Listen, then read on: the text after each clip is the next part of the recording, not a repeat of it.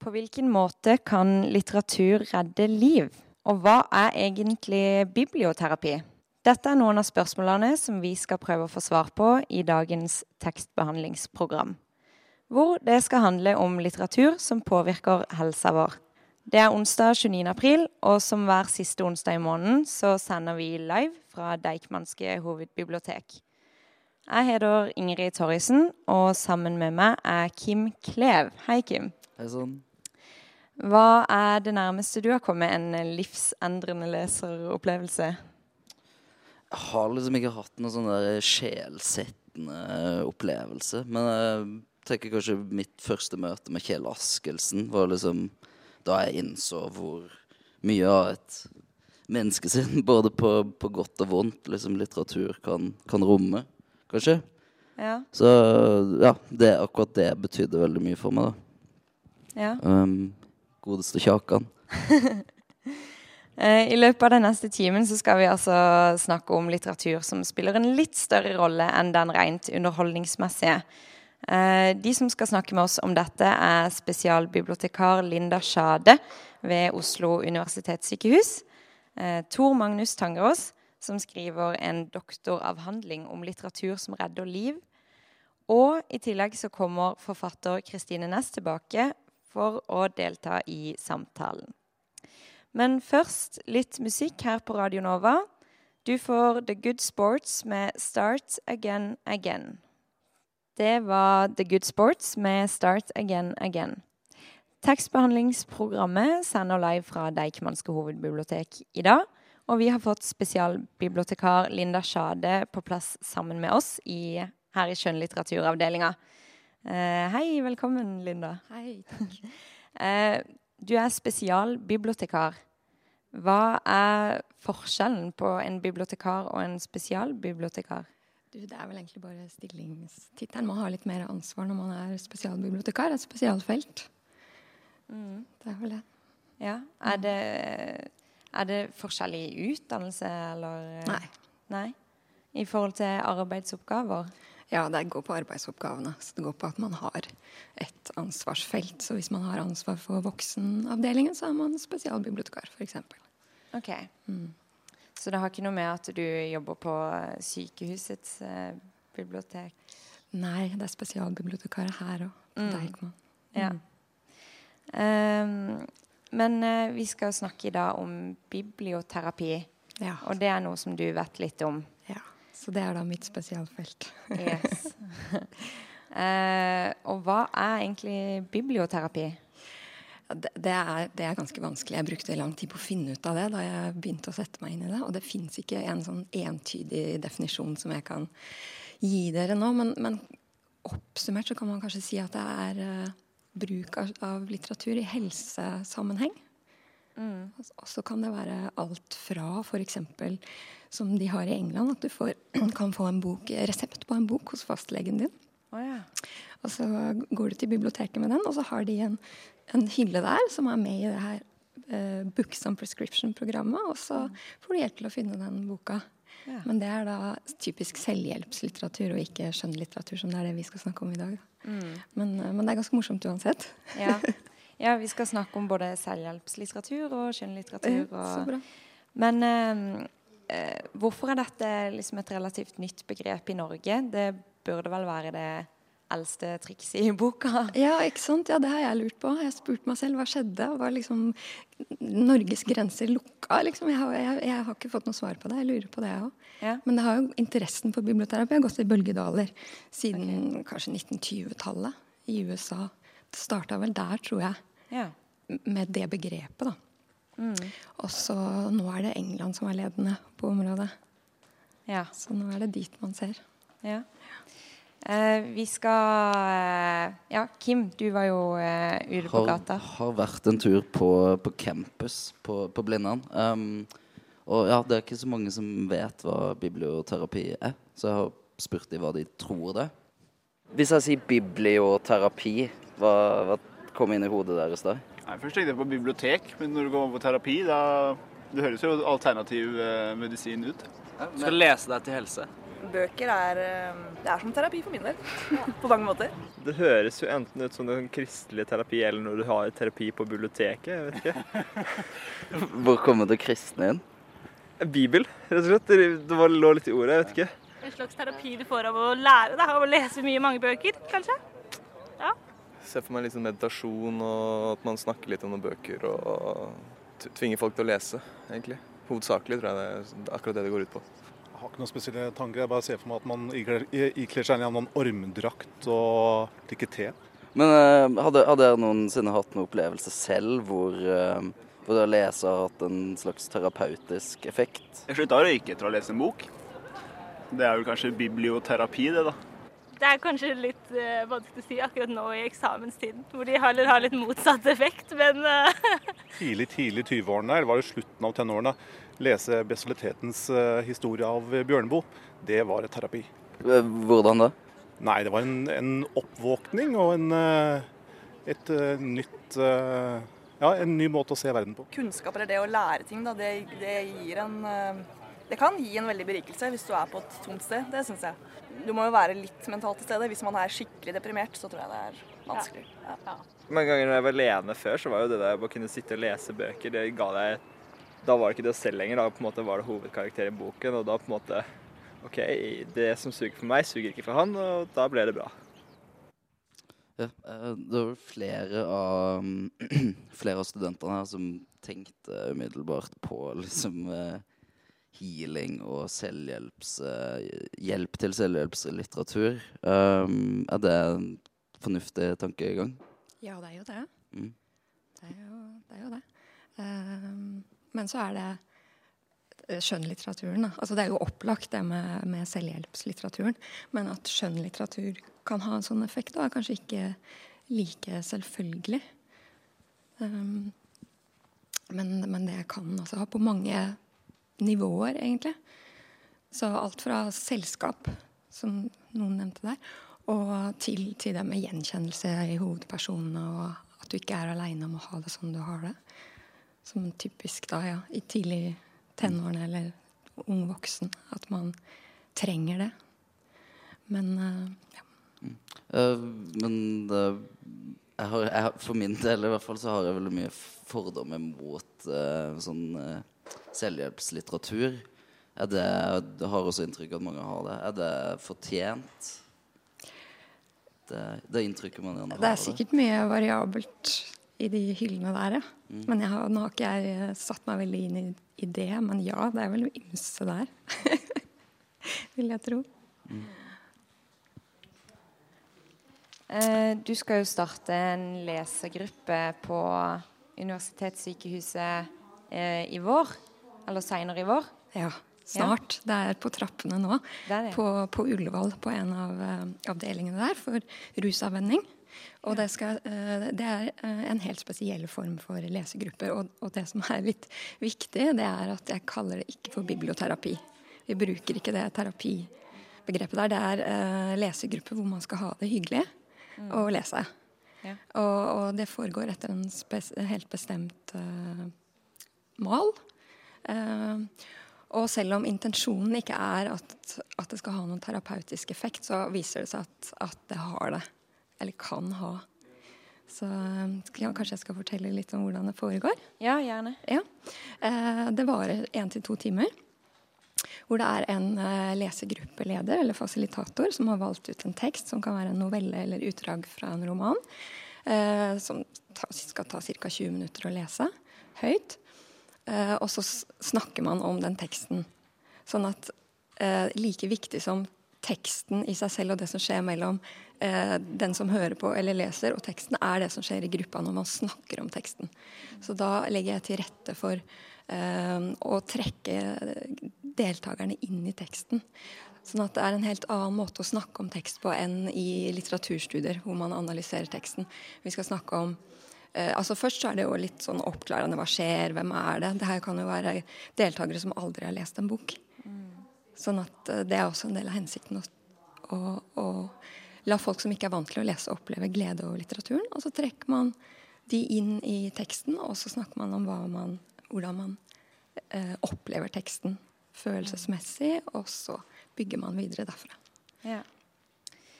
Eh, vi skal snakke mer med deg, Linda Sjade, etter litt musikk. Du får eh, Manganas Garden med 'Slow It Down'. Tekstbehandlingsprogrammet sitter på Deichmanske hovedbiblioteket i dag og sender live, så det er bare å stikke innom hvis du er i nærheten. Eh, vi har snakka med spesialbibliotekar Linda Sjade om biblioterapi, og nå har vi i tillegg fått besøk av Tor Magnus Tangerås. Eh, Tor Magnus er til vanlig lærer på tekstlinja på Vesterdals høgskole her i Oslo. Men fra og med i høst så har han eh, hatt permisjon for å skrive en doktoravhandling. Og i denne doktoravhandlinga så skriver han om intet mindre enn litteratur som redder liv. Og dette prosjektet skal vi snakke masse mer om etterpå. Eh, men eh, Tor Magnus, hvilke tanker har du om biblioterapi eh, nå etter at vi har hørt litt hva Linda Sjade har snakka om? Jo, eh, jeg tenker at det prosjektet jeg holder på med, er jo en form for biblioterapi. Fordi det dreier seg om å utforske hvilken virkning lesing av skjønnlitteratur har i livene våre. Og det som er interessant, altså Bare for å si først noe om begrepet biblioterapi. Det var jo en av de på Blindern som forbandt det med Bibelen. Og et eller annet sånt. Og det er for så vidt ikke helt bak mål i, i den forstand at Bibel det kommer jo av ordet biblio, som betyr bok. Og hvis vi går tilbake til antikken i det gamle Hellas, så var terapibegrepet eh, et litt annet. Det var veldig nært knyttet opp til både litteratur og filosofi. Aristoteles mente jo at eh, tragedien, drama, hadde en rensende effekt på mottakerne. Og filosofi i antikken var ikke filosofi med mindre det hadde en praktisk innvirkning på livene til folk. Filosofiens oppgave var faktisk å forandre folks liv til det bedre. Så eh, Sånn sett så er det et veldig omfattende begrep. Men for min del så handler det jo da primært om å se på skjønnlitteraturens rolle. Og det jeg tenker, er at den terapeutiske effekten er større når man faktisk forholder seg til litteratur som et estetisk eh, fenomen. Altså ikke at man oppsøker litteratur for å finne noe bestemt, men man leser en bok, og så åpner det seg opp noe i selve leseprosessen. Et møte mellom tekst og leser, der noe forandres. Men hvordan, hva er da egentlig forskjellen på biblioterapi og det å bare nyte en god bok, som det heter? Altså, når man bruker begrepet biblioterapi, så snakker man gjerne om en eh, formell sammenheng der det er noen som har rollen som formidler eller biblioterapeut, mm. bringer i stand et møte mellom én eller flere lesere og en bok. Mm. Mens eh, det jeg er opptatt av, er jo møtet mellom én bok og én leser. Mm. Der leseren måtte befinne seg i, i sitt liv. Og eh, Nå har jo jeg studert litteraturvitenskap. og det er jo for så vidt interessant på mange måter, men der har man jo ikke vært spesielt opptatt av å se på hvordan vi faktisk omgir oss, eller bruker litteratur i livene våre. Det er, ikke, det, er jo ikke, en abstrakt leser. Når vi leser, så vi har jo med oss hele vår forhistorie, hele vår livssituasjon, inn i lesingen. Noen ganger så er vi i en overgangsfase i livet, noen ganger er vi i en dyp krise. Og selv om vi ikke går til den boka for å finne svar på et problem, så kan likevel det som står der, resonnere på et så dypt plan at det kan prege oss i mange år etterpå. Um, men hva, hva, er de beste, viktigste egenskapene man på en måte utvikler ved å lese? Um, du er det et svar, spørsmål som lar seg svare? Uh, det, det ble jo min litt personlige mening, men den, mm. en av de viktigste egenskapene er rett og slett åpenhet. Den som åpner seg for litteraturen, åpner seg for verden og menneskene og ja, alt det innebærer å eksistere. Mm. Fordi at du kan ikke ta inn det som står der, med mindre du involverer deg følelsesmessig. Og ved å involvere deg følelsesmessig så risikerer du noe. Det er ikke sånn at du kjøper en vare og får det du antar du får. Du vet ikke hva du får. Og du kan selvfølgelig nekte å ta imot den opplevelsen. Men ved å ta den imot, så har du åpna det mer, som da gjør at du vil bli mer mottagelig i andre sammenhenger. Så det, det å møte en bok, det, det, er jo det er ikke et forhold mellom en leser og et objekt som man sitter og analyserer. Det er en møte mellom to subjekter. Noen har lagt sjelen sin og livet sitt i å skrive ned dette her. Og da kan det òg skje at den som leser det, faktisk legger sjelen sin i det og får sitt liv påvirka og endra av opplevelsen. Mm. Linda, du hadde en kommentar. Ja, det er jo eh, sånn at man trenger jo å måle ting. Eh, alltid i, i, vår tid. Og de har faktisk prøvd å måle effekt av, av skjønnlitteratur for å få argumenter sant, til å bruke det. Og en av de tingene de har målt, er at, at at man får eh, bedra evnen til å, å, forstå andre. Mentalisering, eller theory of mind, som de kaller det. At det er det som, hvis man har en diagnose i autismespekteret, så har man problemer med å forstå andre mennesker. Men gjennom å lese så kan man bedre den evnen, fordi at man kommer jo på innsiden av karakterene. Og dermed så forstår man mer. Man forstår mer av andre mennesker og mm. av seg selv. Og det har de faktisk målt. En økning i evnen til å forstå hva andre mennesker kan tenke, eller hvordan andre mennesker har det. Mm. Så det er én ting. Jeg holder jo på å lese 'Forbrytelse og straff' nå um, for første gang. Uh, og ja, eh, den, denne hovedkarakteren, Raskalnikov, han er jo en ekstremt forvirra person. Um, kan man liksom i verste fall lese seg Hvis man er liksom like hypokonder som han, kan man liksom lese seg mentalt syk igjen? Uh, det, har, det, har, ikke vært observert uh, negative bieffekter av, av, lesegrupper, i hvert fall.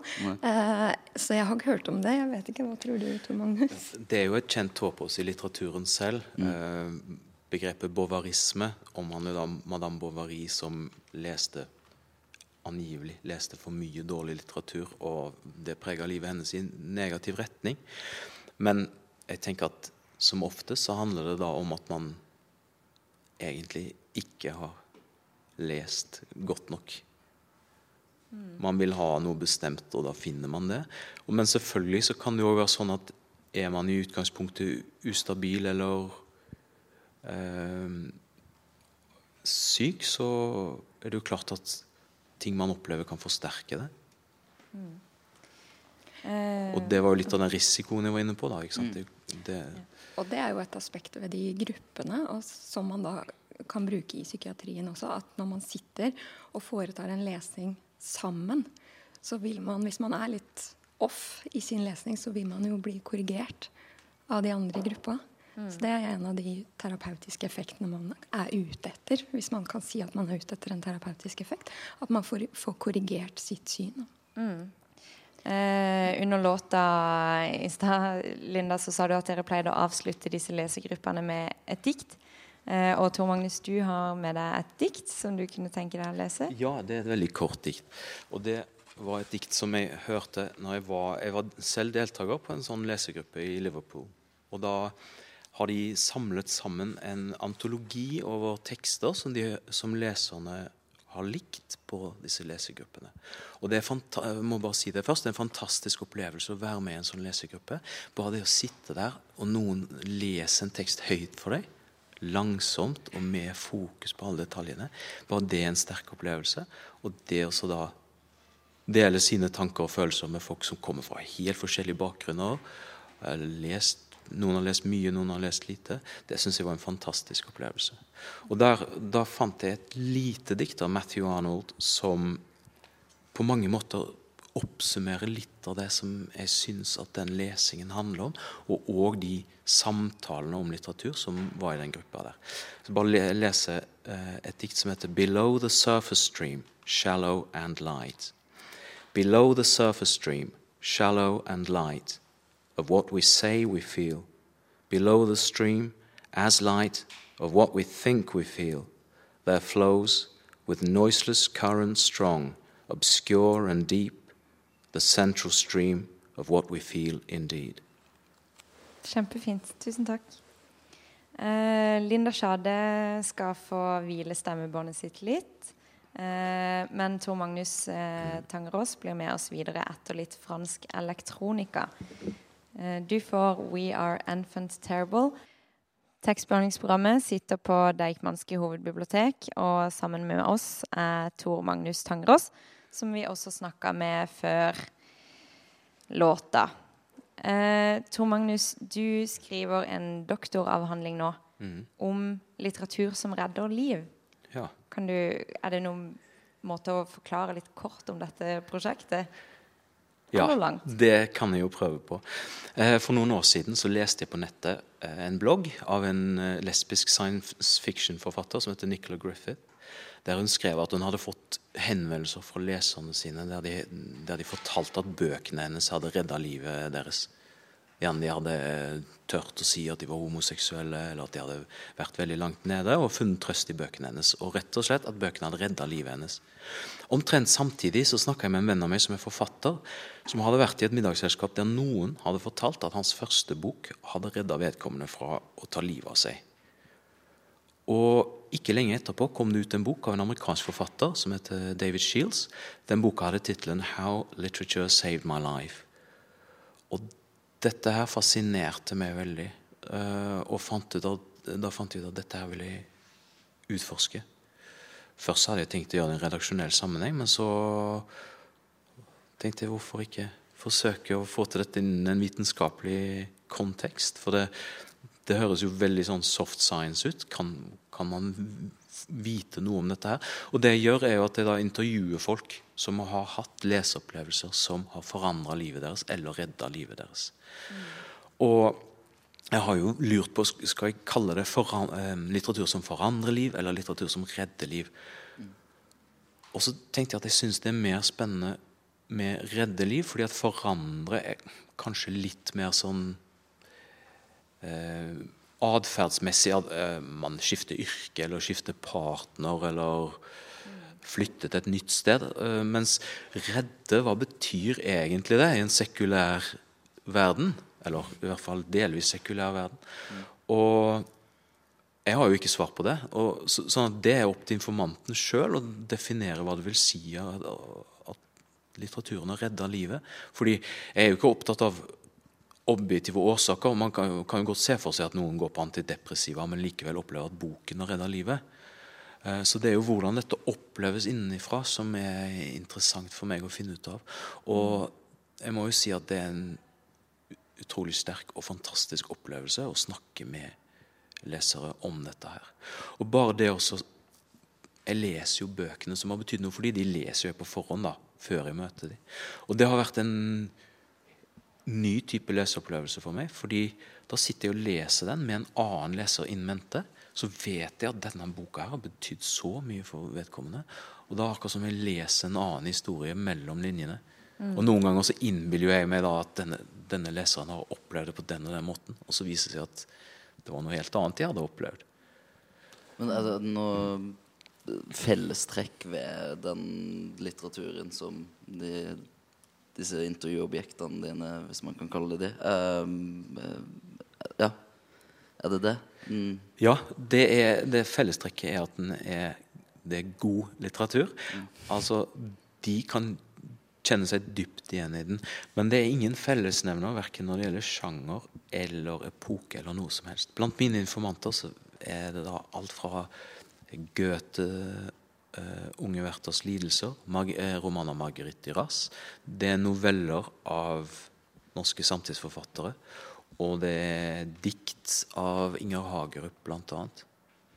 Og den ene leseren eh, leste da, når hun var ung, en bok som heter 'Hans venn Flikka', som er en ungdomsroman som handler om, eh, veldig mye om hester. Og det var jo en bok som jeg ikke kjente til på forhånd, men som i lys av hennes opplevelse ble en fantastisk leseopplevelse òg for meg. Så det kan være, ja, det kan være hva som helst, da. Men hva, Eh, ja. hva Det tror jeg. Hva, du, du sa at det var god litteratur. Er det liksom din eh, kvalitative vurdering? Eller? Nei, eh, altså det, det er egentlig så eh, tenker jeg at det er veldig vanskelig å definere hva som er god litteratur. fordi i, i mine øyne så er det nettopp møtet mellom verket og leseren. Du kan ha en bok som alle sier er god, men som bare ikke treffer deg. Kanskje ikke da, men kanskje 20 år senere. Kanskje heller ikke da. Så kan du ha noe som andre nedvurderer, og som treffer deg midt i hjertet. Det syns jeg er spennende. Det betyr at ingen kan bestemme hva som skal være bra for andre. Selvfølgelig finnes det objektive kriterier, det skal ikke underslås. Men det viktige er den subjektive opplevelsen. Mm. Eh, du, eh, I prosjektbeskrivelsen din så står det at doktorgradsprosjektet vil undersøke en bestemt type samhandling mm. mellom tekst og leser. Ja. Eh, har du funnet ut hva denne samhandlinga er? Ja, den samhandlingen kan være mye. Men det, det, dreier seg jo om at man involverer seg følelsesmessig. Og de generelle prinsippene er jo da at man Selv om universet på mange måter kan være fremmed, så er det en dyp gjenkjennelse i enten hovedpersoner eller også andre karakterer, men i deres liv og deres problemer. Mm. Det er det ene. Og så er det den følelsen av man kan kalle det oppslukthet, men det er følelsen av at du kommer inn i et univers, og der vil du gjerne være. Mm. Der føler du en tilhørighet. Og det som kan skje da, eh, hvis jeg skulle satt opp noen sånne hovedkategorier av opplevelser, så den ene tingen Det var jo også Linda inne på, dette med å sette ord på følelser. Det vi kan kalle affektiv mentalisering. Eh, en informanten min snakker om at boka hadde gitt henne et depresjonsvokabular. Altså følelser som hun kanskje ikke helt visste om at hun hadde, eller ikke klarte å sette ord på, de fant hun da eh, gjenspeila i teksten. En annen ting kan være, som Linda også nevnte, den følelsen av å være mindre alene. Mm. Oi, det er noen andre som òg har det på samme måten. Og da er det jo med en gang den opplevelsen er delt, så har den fått Det er på en måte noe som du på sett og vis kan ha få en større avstand til, eller du kan holde fram i lyset og undersøke. Mm. Og en annen ting er jo det med En informanten snakker om en sjokkartet opplevelse. Eh, der det plutselig gikk opp for henne at det var mulig å leve på en annen måte. Altså en veldig frigjørende opplevelse. Mm. Nye handlingsalternativer, en ny måte å se på seg selv på. Og en annen leser leste en roman, en dansk roman, og fant rett og slett ut at hun, hun skulle skille seg etter at hun leste. Da er jo selvfølgelig det en prosess som kanskje har modnes over flere år, da, men så er det på en måte siste hammerslaget. Det kan det jo være. Mm. Men da har man jo virkelig Da har jo hun virkelig involvert seg i lesningen og involvert teksten i sine livsprosesser. Ja. Mm. Veldig interessant å høre liksom, konkrete eksempler på ja på dette her. Ja. Eh, vi skal snakke mer med deg, Tor Magnus Tangerås. Eh, men eh, først litt eh, mer musikk. Du får Angus and Julia Stone med 'Here We Go Again'. Her på eh, Deichmanske hovedbibliotek så har vi i tillegg til Tor Magnus Tangerås fått besøk av tekstbehandlingsprogrammets egen husforfatter, Kristine Næss. Eh, du var jo med oss på forrige livesending også. Ja. ja. Velkommen tilbake. Ja, tusen takk. Du trives godt her? Her er det fint å være. Sitter godt og spennende ja. samtaler og ja. ja. Mm. Det var fint at du kunne være med på den også. Eh, vi har jo snakka eh, Som vi har snakka om tidligere i sendinga, så eh, kan hvilken som helst litteratur redde liv i ganske konkret forstand. Um, har du tenkt på at dine bøker kan ha redda noen, noens liv? Nei, nei, det har jeg nok ikke tenkt på. Det har vært spennende å sitte her og høre på samtalen, fordi jeg har egentlig aldri tenkt Enda jeg har hatt så mange eksistensielle øyeblikk med litteratur helt fra jeg var barn, så har jeg egentlig aldri tenkt på at det kan konkret redde liv. Da. Men jeg har jo tenkt på at litteratur kan være livsavgjørende, eller at det kan snu ting, eller at det kan um, ja, bestemme retningen på et liv, eh, det har jeg nok tenkt på. Mm. Eh, så er det jo litt når en snakker Jeg er jo både en som leser og en som skriver, og det går litt over i hverandre, så jeg har en litt annen innfallsvinkel også, fordi jeg eh, jeg begynte jo i litteraturen som barn, og jeg brukte jo litteratur også mye som eh, kompensasjon. da Jeg var en sånn type som eh, leste mer enn jeg var sammen med andre barn. Og kunne lese et par-tre bøker på en ettermiddag. Og liksom eh, Eh, og jeg følte nok at bøkene var eh, mine venner, på en måte. Eh, så jeg tenker at Og egentlig så er det nok litt sånn at man jeg tenker nok man, at man fører samtaler med litteratur når man er en leser i møte med en bok. Så er det på en måte en slags Du identifiserer deg selvfølgelig med en person eller med en historie, men det er på en måte noe som treffer ditt jeg, da, tenker jeg. Eh, så det er vel mye, mye det som skjer. Eh, og jeg tenker at det med den samtalen, at man er to eh, At man møter en annen bevissthet, er viktig hvis en skal tenke på det sånn i terapeutisk retning. Da, at det er en, en, en, en, dialog eller en samtale som pågår. Og sånn For min egen del så var det sånn at jeg, jeg skrev jo rundt omkring til forfattere. Da, for jeg hadde jo da trang til å utvide denne verdenen av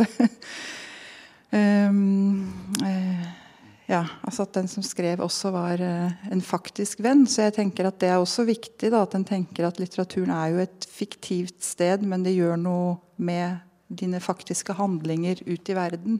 Mm. Mm. Jeg, jeg, leste et intervju med, med, David Shields, som Flamme Forlag hadde gjort. Altså David Shields som har skrevet uh, 'How Literature Saved My Life'. Um, han mente at uh, vår tids simulerte samfunnsform er Litt i tvil på hva det skal bety. Men han mente at det, i hvert fall dagens samfunn krever mer enn bare fiksjon. En bøker som liksom har en utrolig tynn hinne mellom, mellom livet og kunsten, skrev han. Uh, da tenker jeg at han kanskje tenker på liksom sånn uh, selvbiografisk fiksjon, hvor man kan kalle det det. Eh, er det noe du føler kan stemme, Tor Magnus? Ja, nå er jo David Shields veldig opptatt av å utviske grensen mellom fiksjon og virkelighet. Mm. Og liker best den typen litteratur som er i grenselandet der. Men så vidt jeg forstår han der òg, så handler det jo om at om det er fiksjon eller objektivt sant, er jo ikke så viktig for den litterære opplevelsen. Mm det er jo ikke det man jobber med, å stadfeste om dette virkelig fant sted på det stedet i det året eller ei. Fordi at i litteraturen så kan man kommunisere på tvers av kulturer, århundre og ja, livsaldre. Mm. Hva tenker du om det, Kristine? Mm, um ja, jeg, jeg, jeg tenkte, tankene tok en litt annen retning. Jeg tenkte at, uh, fordi jeg tenkte at det, det, her har litt med skille mellom kanskje uh, ja, skriving eller litteratur som terapi og uh, det du var inne på i stad om, mm. om, den estetiske opplevelsen. Da. At, um, det er, for det er en forskjell, tror jeg. altså Eh, en kan jo tenke seg at en skriver også i terapeutisk øyemed. At en liksom skriver for å sortere tanker og få satt mm. ting på plass. Og det er vel litt derfor en oppløs, oppsøker sånn som selvhjelpslitteratur òg. At det er eh, for å få ting litt i boks og liksom ja, få satt følelsene sine litt på plass. Mens det skjer nok noe annet i, i møte med mm, eh, ja, med skjønnlitteratur som er kunst. Da. Enten den nå er selvbiografisk eller Altså, som Knausgård, f.eks. Det er jo skjønnlitteratur, men den er jo også selvbiografisk. og det er, eh, Jeg tror at det må være noe mer enn å sortere tanker. At det, er, det må være et eller annet som treffer, um, treffer deg, sånn at du blir løftet litt ut av kanskje din egen tenkning. da. At det er, eh, og Nå er det jo veldig vanskelig å beskrive et, en estetisk opplevelse, fordi den jo er så indre og subjektiv. Men, eh, men, det er jo kanskje det, kanskje det er akkurat det punktet hvor du egentlig ikke tenker lenger, men uh, rommer noe større. Um, så derfor så Jeg vet ikke om det var et svar engang. det var mer en tankerekke. Ja. Um, en, en, ting jeg lurer litt på, er om, om, film er i stand til å ha den samme effekten på oss. Fordi det er jo en sånn mm. Kanskje i større grad en sånn distanse til eh, hovedkarakterene i filmen. Det er liksom i en roman. Um, hva tenker du om det? Tom? Jo, absolutt. For jeg har snakka med folk som har opplevd at en film har forandra livet deres. Jeg har snakka med folk som har opplevd at dataspill har gjort det. Og musikk av The Smiths, blant annet. Så det, det, det, det kan nok generaliseres til hele kunstfeltet. Men Hva skulle man kalt det, da? Istedenfor biblioterapi? Kunstterapi, kanskje. det er noe som heter det, altså. Ok, ja, greit.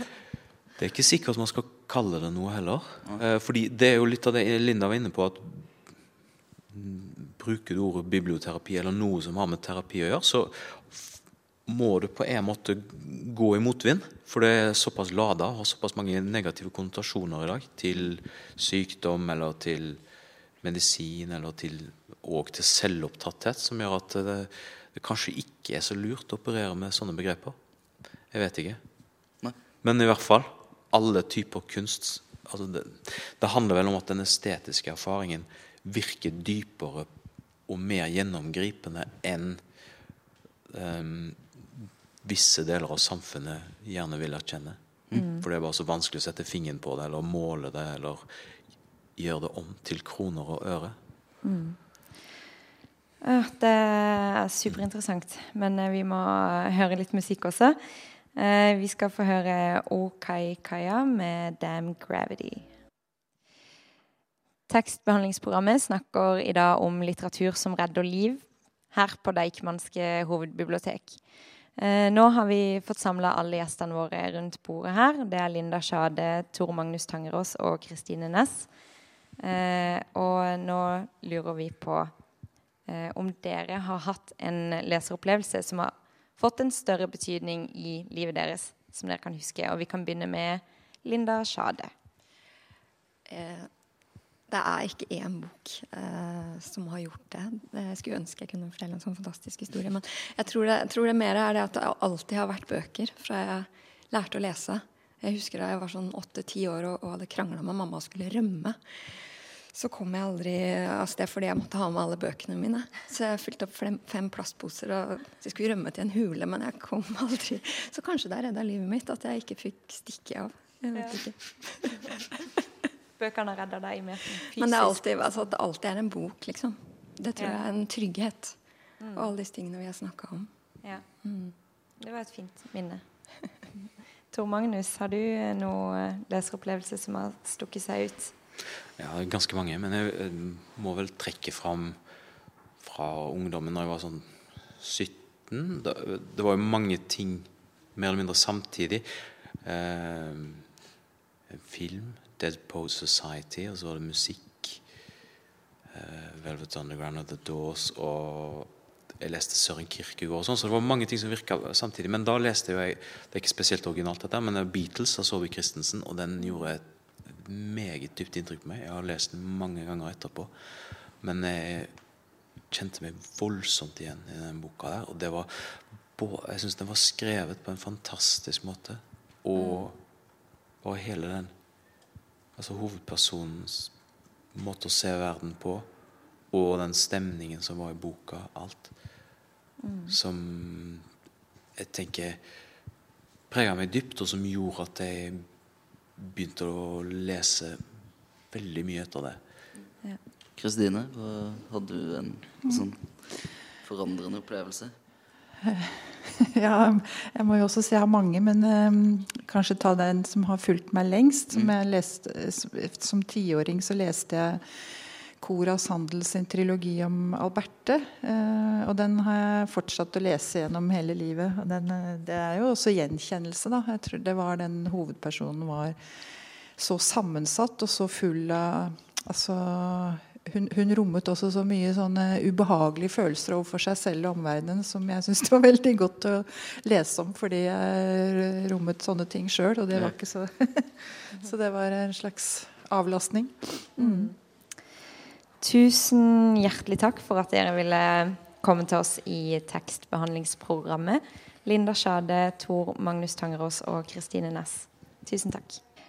Den siste timen så har tekstbehandlingsprogrammet sendt live fra Deichmanske hovedbibliotek. Og vi har Bl.a. snakka om biblioterapi og litteratur som redder liv, sammen med Linda Sjade, Tor Magnus Tangerås og Kristine Næss.